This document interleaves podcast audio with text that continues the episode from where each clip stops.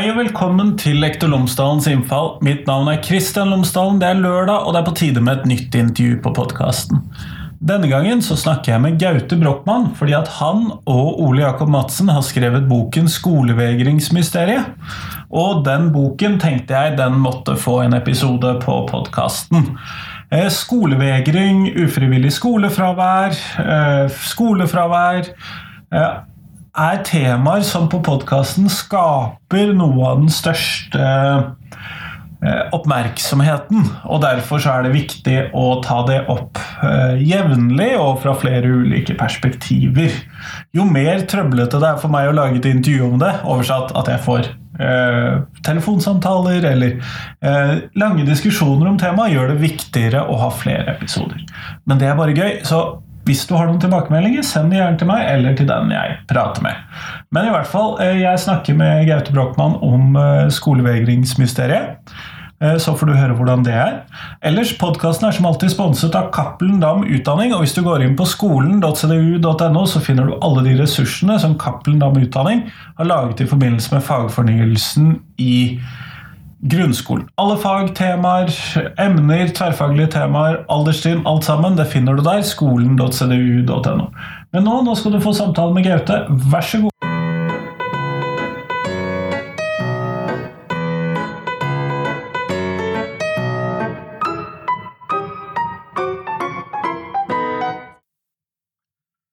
Gaute Brochmann, tusen takk for at du har tatt deg tid til meg i dag. Selv takk. Før vi kommer sånn ordentlig i gang med samtalen vår, så hadde jeg håpet at du kunne fortelle lytterne mine tre ting om deg selv, sånn at de kan få bli litt bedre kjent med deg. Nei, For det første så er jeg jo faren til tre barn, som da er eh, inngangen min til å skrive både denne boken her og den forrige om digitalisering av skolen. Eh, og for det andre så er jeg arkitekt av eh, utdanning, jeg har gått på arkitekturskolen og jobber nå som redaktør i et fagtidsskrift som heter Arkitektur1. Og for det tredje så bor jeg nå hva heter det, i provinsen på Lillehammer. Flyttet ut av byen og bor landlig og, og godt utenfor, uh, utenfor uh, Oslo, hvor jeg da tok utdanning og jobba og levde i 12-13-14 år før, uh, før vi flytta hit med familien. Kjempeflott. Du har jo nå vært en av to forfattere bak boken 'Skolevegringsmysteriet'. og da, Jeg har erfart at med dette temaet så må vi nesten starte med hva mener dere med skolevegring? ja, det, er et, det, er et, utmerket spørsmål. og det er jo, altså, Når boka heter 'Mysteriet', skolevegringsmysteriet, så er ikke det bare gimmick. Det er fordi at det er fryktelig mange usikkerhetsmomenter og ulike definisjoner så fort du beveger deg inn i materien her. Men det vi mener, og det som er en sånn ganske vanlig generell eh, bruk av det begrepet, det handler om unger som vil gå på skolen, men som ikke får det til. Og Det betyr at de skulker ikke, det er ikke sånn at de sniker seg unna. Foreldrene vet gjerne veldig godt om problemet, i motsetning til skulker, hvor de lurer både skole og foreldre. Og så er det sånn at de sitter hjemme det er ikke sånn at de er på kjøpesenteret eller eh, ute i skogen og fisker eller henger med venner og sånn. De isolerer seg hjemme. Eh, det finnes jo noen grader, så du kan også si at du kan være skolevegrer hvis du er på grupperommet hele dagen istedenfor å være i klasserommet. Men det er dette her med den tilbaketrekningen og isoleringen som da kjennetegner skolevegring. Og så kan det jo være et helt spekter av årsaker, ofte veldig sammensatte årsaker også, som gjør at, eh, at barn og unge reagerer på den måten der.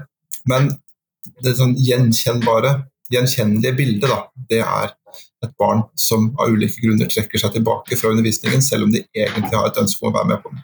Nettopp, nettopp. Da tror jeg eh, vi er litt sikrere på hva vi snakker om. Men du og Ole Jakob Madsen har altså skrevet boken 'Skolevegringsmysteriet'. og Hvorfor så dere dere nødt til å skrive denne boken? Ja, du kan si at For min del så begynte det med min forrige bok, som handlet om digitalisering av skolen og digitale læremidler.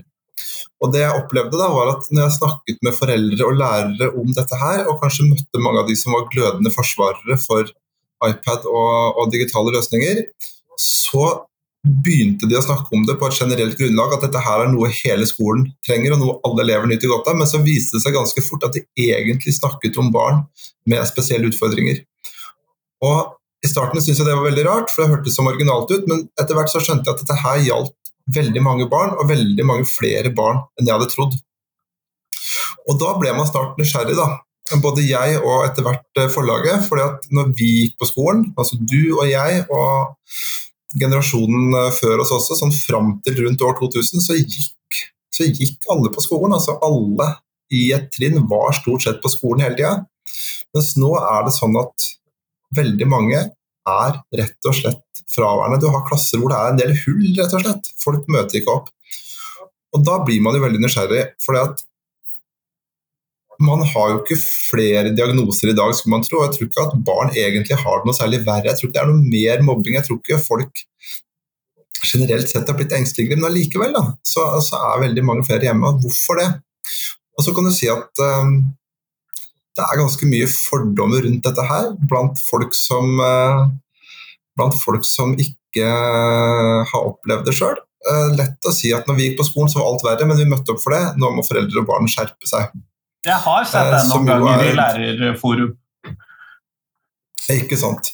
Og det er, det er, liksom litt lettvint, tenkte vi. Jeg skjønner hvor den holdningen kommer fra, men det er litt lettvint. fordi at uh, Hvis dette her skjer, da, uavhengig av hverandre, mange steder i Norge og mange steder i verden, uh, så er det liksom mer enn en mote. Det er et eller annet i strukturen, et eller annet i skolen, et eller annet i samfunnet som gjør at, uh, at unger velger å trekke seg tilbake. Og det gjør du ikke akkurat for moro skyld.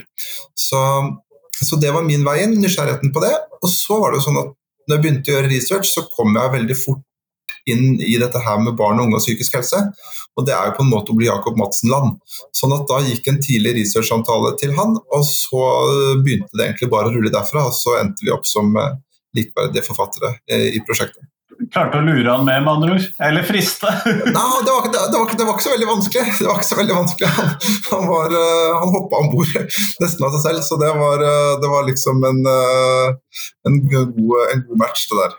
Nettopp, nettopp. Men Eh, du sier jo det at eh, elevene i større Eller alle elevene var der før, men dere, hvilke tanker har dere gjort dere om hvorfor disse elevene nå ikke er der, siden du allerede har pekt på en del ting som tilsier at det ikke skulle være noen forskjell? Eller liten forskjell? Ja, nei, ikke sant. Nei, det er, det er, mange steder vi kan begynne der. Hvis vi begynner på skolen, da, så var det nok lettere å være elev før i den forstand at Hvis jeg tenker tilbake på min ungdomsskoletid f.eks., så satt det noen elever der med boblejakka oppover ørene og capen eller lua nedover øya, og egentlig bare var der i tre år. Eller det tar litt, litt oppbevaring. Men du kunne, ja, litt oppbevaring og litt sånn derre Det var ikke noe veldig truende sted å være, for du ble ikke utfordrende på at du, at du satt og tok det litt rolig.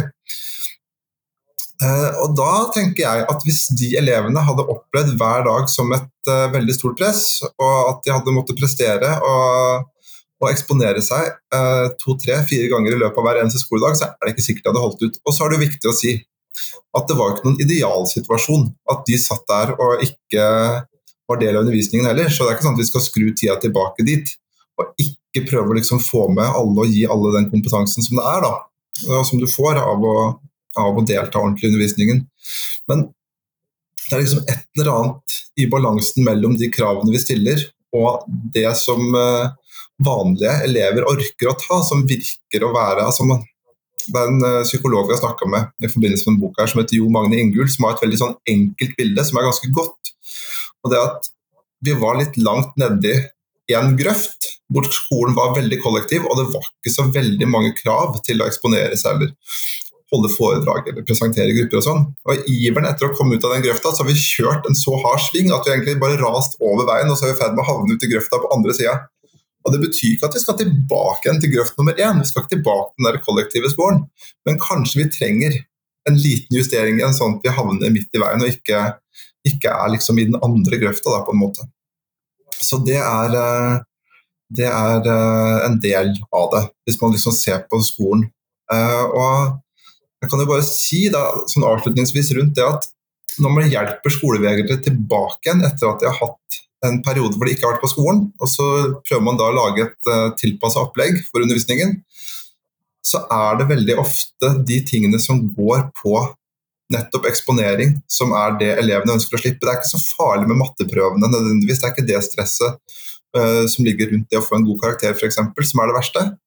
Det er det å måtte vise seg fram og prestere. og det tenker jeg at Du og jeg husker sikkert det, vi òg. At de gangene elever var borte og skulka mest, det var jo skidag, og så var det gymtimene. For da står du på en måte litt sånn på utstilling foran hele klassen om å gjøre et eller annet. Uh, det behøvde du ikke å gjøre i norsk og matte i stor, særlig stor grad. Mens nå kan det virke som at uh, den mekanismen som fikk folk til å skippe gymmen, den har uh, kanskje begynt å slå inn en del andre fag òg. Men da tenker fordi at når du sa 'prestere foran andre', så tenkte jeg noe sånn type holde foredrag foran klassen uh, med en powerpoint. var det du kom til å si, men du sa gymtimer og skidag? Ja. Um, som sagt, da, Før når jeg gikk på skolen, og jeg gikk på ungdomsskolen, så var det sånn at vi fikk velge.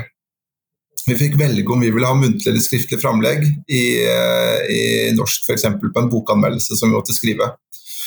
Og Resultatet av det var jo at eh, ni av ti, kanskje 19 av 20, valgte skriftlig, og alle ble elendige på muntlig framlegg, noe vi led under langt ut i studietiden. Så jeg sier ikke at det var en idealsituasjon, og da er vi tilbake til det med de to grøftene. Fordi at uh, Kanskje var det bra at vi ikke ble tvunget til å holde muntlig framlegg, men vi burde nok ha blitt stimulert mer og øvd litt mer sånn i ro og fred. Uh, og nå er det sånn at Når jeg ser på hva min datter holder på med, så har de et opplegg hvor de presenterer ting. Hun går i femte, sjette klasse nå. Presenterer ting hele tida, har gjort det i flere år. Og For mange av dem så funker de kjempebra, og de blir supergode og supertrygge. Og så snakker hun om at det er et par-tre stykker som står og griner eh, annenhver skoledag for at de syns dette her er så tungt. Og Da er det sånn at vi har et opplegg som funker bra for er litt satt på spissen, altså, men det er den, den, historien jeg har fått fra henne. Um, litt sånn uavhengig av det bokprosjektet her. Og da tenker jeg at um, det er flott at elevene øver seg, det er flott at de får den tryggheten. Og så burde det vært en noe større grad av valgfrihet som gjør at man ikke trenger en høy individuelle tilpasninger, eller at man ikke trenger å få en periode med skolevegring for å få et fritak, sånn at man, at man klarer å fungere i en vanlig klasseromssituasjon igjen, f.eks. Nettopp sånn at eh, Men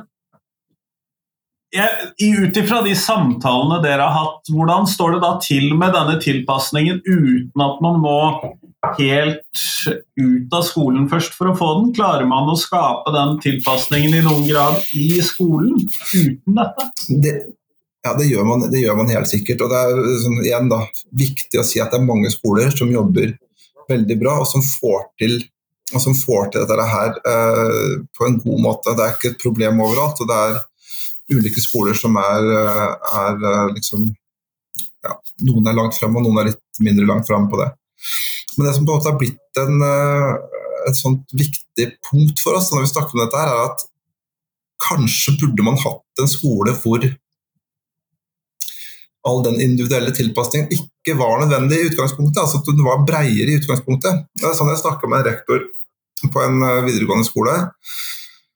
Hvor det går eh, En byskole oppe i Nord-Norge hvor det går eh, mye flinke unger. og Som sier at for ti år siden så var det ikke individuell tilpasning i særlig grad. Det var kanskje to-tre tilfeller. Og så For fem år siden så var det seks-sju i en vanlig klasse. Og i dag så er det omtrent halvparten. Og med i dag så sier jeg, mener jeg kanskje rett før koronaen. Var det vedkommende refererte til. Jo, det er litt vanskelig å si hva vi gjorde under koronaen foreløpig, tror jeg. Ikke sant. Og da blir jeg liksom litt nysgjerrig, der, for hvis det er sånn at elevene føler at og Det kan være gå mot i det, det kan være en hel haug med grunner, men hvis de føler at de trenger en eller annen form for særbehandling på en eller annen måte for å fungere på skolen, så er det en utvikling vi ikke ønsker oss. Nå er ikke jeg lærer selv, men jeg tenker at i forhold til ressursbruk og i forhold, til, uh, i forhold til, hvordan det er å fungere i en klasse, så er det best at flest mulig liksom fungerer innenfor et normalitetsrom. Én-til-én-skolen er jo en ganske dyr skole.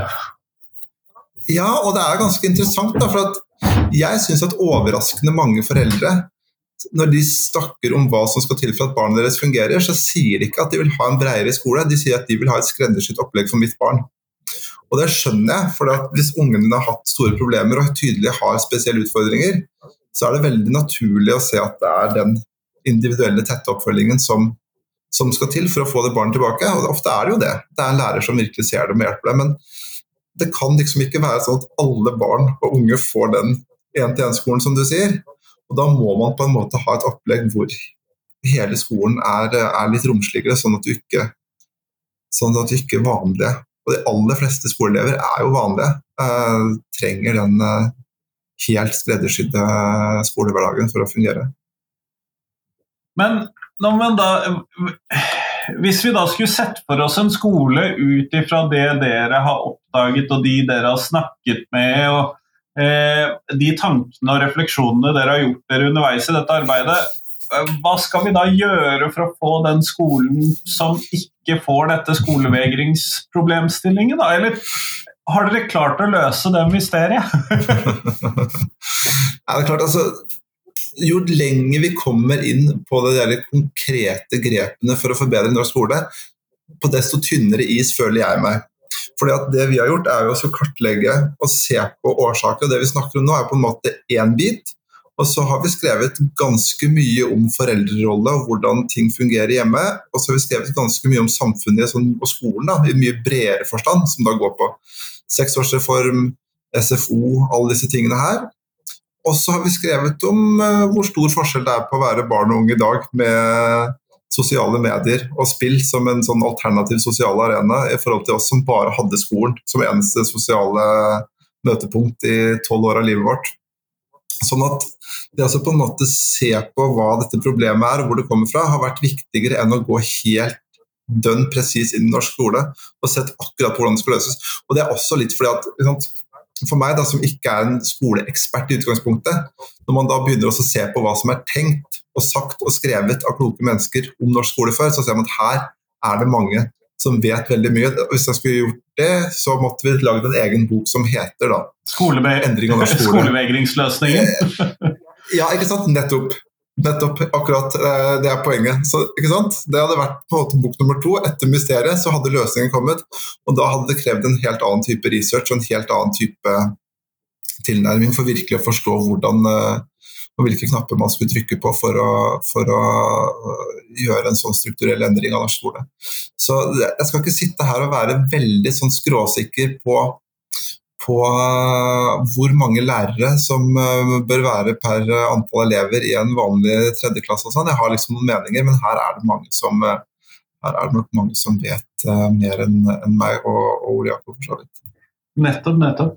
Men og dette er en ting jeg har lurt litt på, og jeg er litt usikker på om det er relevant for dette, men jeg opplever i hvert fall ungdomsskolen som det store problemstillingen i dette. Ikke egentlig videregående, selv om det oftere nok sikkert slår ut der, og ikke egentlig mm. barneskolen. Hvordan, hvor har dere landet der? Ja, Det er et veldig godt spørsmål. og Du har nok eh, sånn, eh, på én måte rett. Det var nok lenge sett på litt som et videregående problem, men der er det ikke, det er ikke sikkert at det er riktig å kalle det skolevegring. Der er det ofte den der frafallsproblematikken den er tatt ganske godt tak i. Og så ble det sett som et ungdomsskoleproblem i en del år. Men det vi fant ut når vi begynte å gjøre research, er at dette her har krøpet ned barneskolen, og nå er det akkurat like relevant i eh, en barneskolesetting. Og det er ofte at det debuterer da rundt tredje-fjerde klasse, skifter fra det som liksom før het småskolen til storskolen at det er et eller annet som skjer der som ofte trigger noe. Eh, men vi har også snakket med barn som på en måte, eller foreldre som har hatt barn som har utvikla skolevegring midt i første klasse. Og som eh, kommer hjem til mor og sier at 'jeg får ikke til matte', 'det kommer ikke til å gå bra med meg, jeg orker ikke mer'. Som jo er en sånn helt uforståelig reaksjon både for oss og for så vidt for foreldrene. Hvor, hvor kommer det fra? på en måte? Hvorfor tenker barnet deres på den måten der? Og det er altså sånn som du sier da, Jeg forventer det reaksjonsmønsteret fra en 7. og 8. klassing, ikke fra en seksåring. Så, så, det var også en sånn uh, liten oppdagelse som vi, vi, gjorde ganske tidlig, at dette her har uh, krøpet mye lenger nedover alderstrinnet enn man skulle tro. Det er jo på mange måter litt skummelt, da, må jeg innrømme. Hvis, begynner, hvis vi begynner å se dette allerede i første klasse hos noen.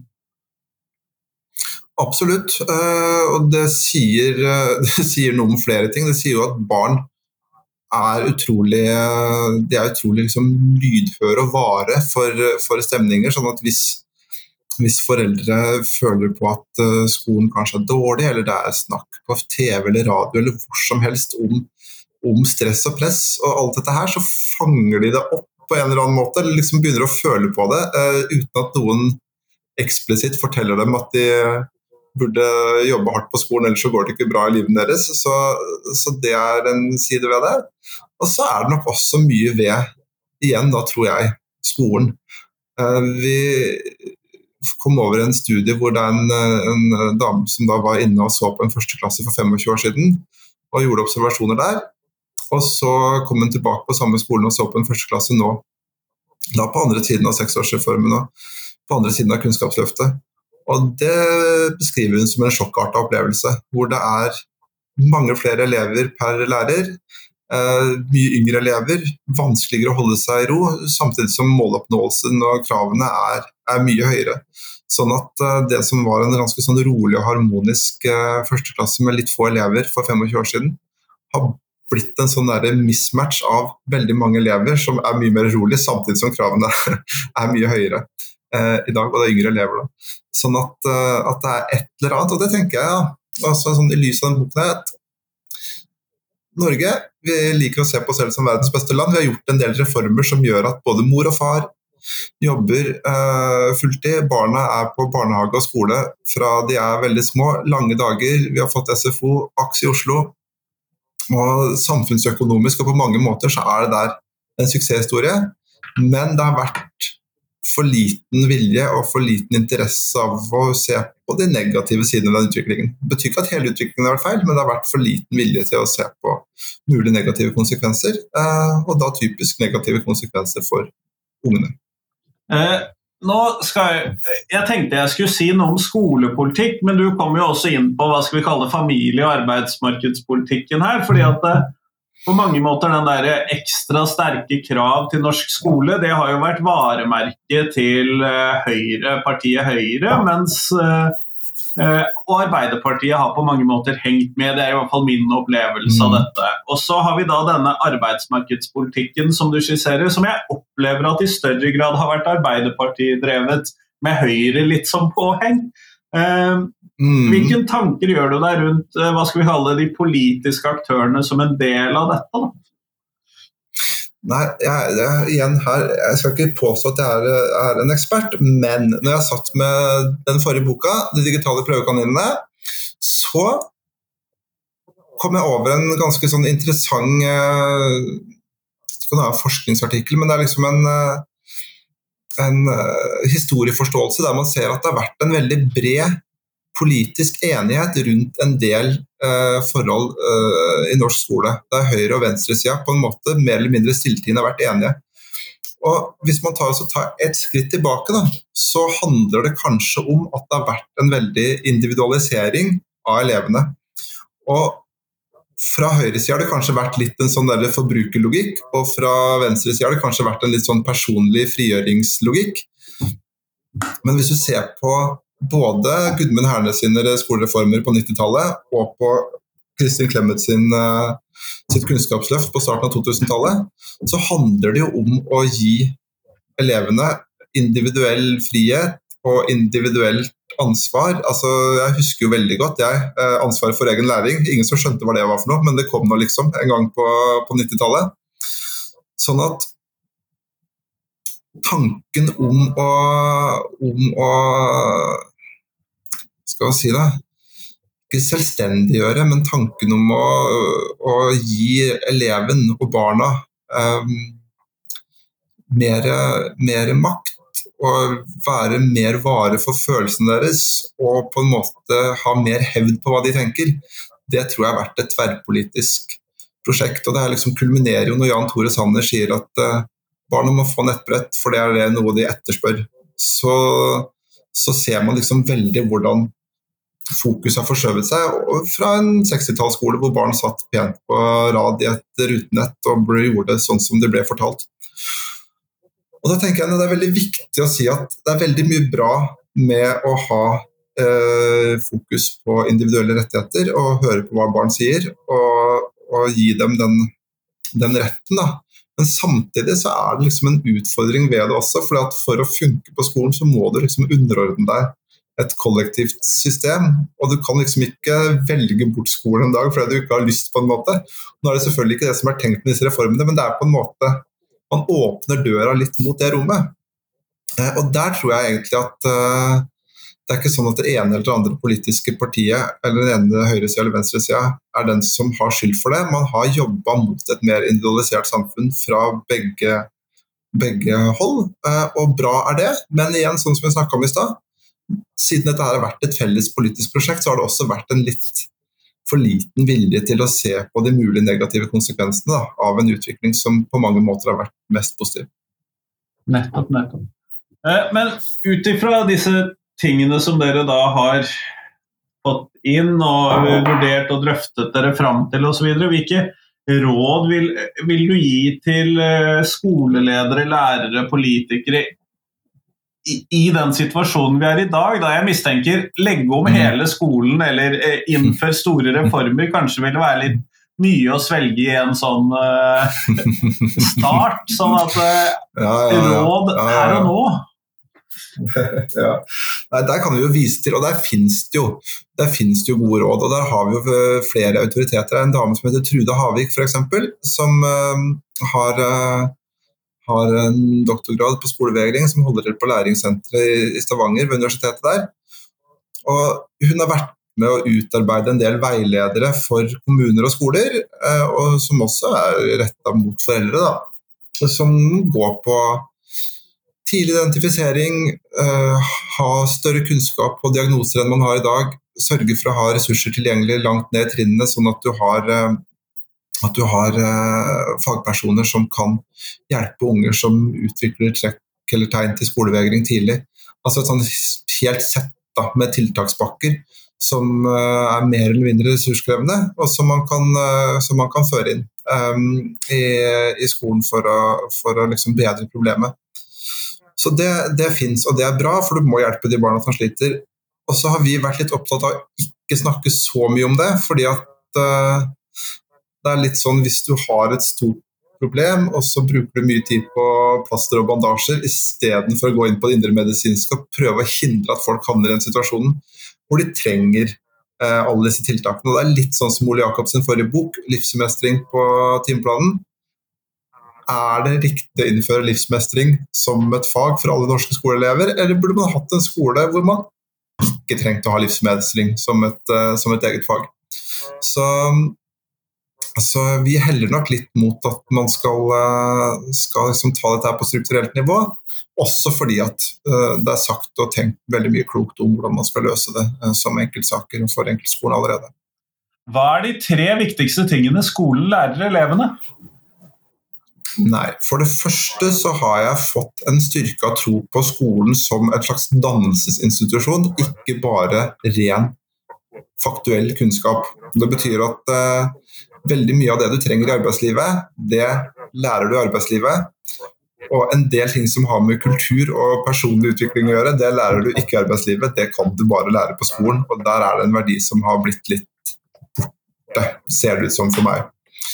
Eh, og, så det, og, så er det, jo dette her som har vært veldig mye diskutert de siste årene, som handler om at skolen har blitt for teoretisk. Eh, jeg tror nok også at en dreining mot en mer praktisk skole, hvor de nevenyttige eh, også kan fungere, ikke bare teoretikerne, hadde vært veldig gunstig. Og kanskje den aller viktigste erfaringen fra å jobbe med denne boka, her, det er vel egentlig at troen på den norske fellesskolen, altså en felles arena som alle norske barn og unge må gjennom, er veldig viktig. Og at eh, det å fragmentere skolen hadde vært skikkelig, skikkelig uheldig. Det er ikke løsningen med mer individuell tilpasning, eller til og med egne skoler for barn med egne, med egne utfordringer. Eh, før så hadde vi Forsvaret, og vi hadde bondestanden, og vi hadde arbeiderklassen, og vi hadde NRK, og vi hadde en hel haug med felles arenaer hvor alle, i hvert fall store deler av befolkningen, var innom i løpet av livet, som skapte sånn veldig felles, eh, felles identitet og offentlighet. Og nå er det egentlig bare skolen igjen.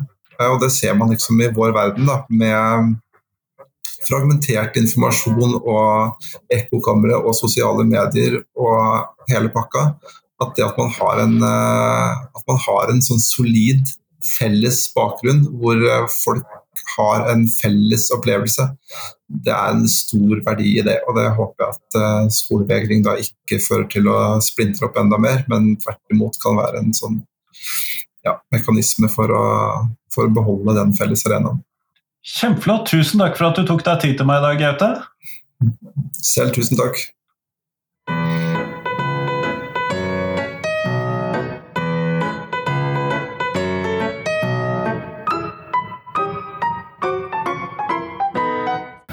Tusen takk til Gaute, og tusen takk til deg som hørte på. Nå er det fram til tirsdag. Da kommer det en ny episode på podkasten, akkurat som vanlig.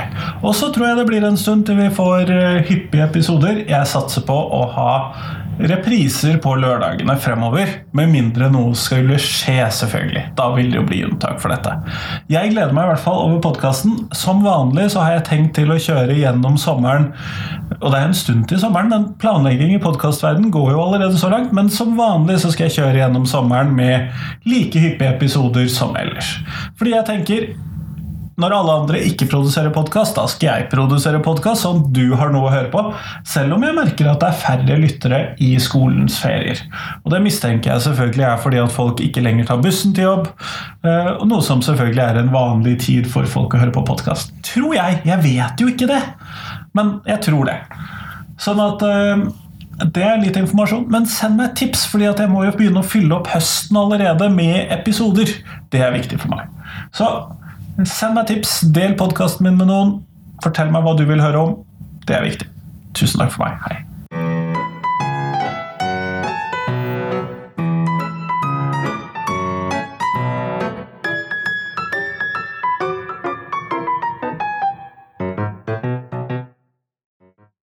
Husk at du kan gå inn på Instagram for å finne bilder av uh, Lektor Lomsdalens innfall. Så kan du se litt hva jeg driver med der.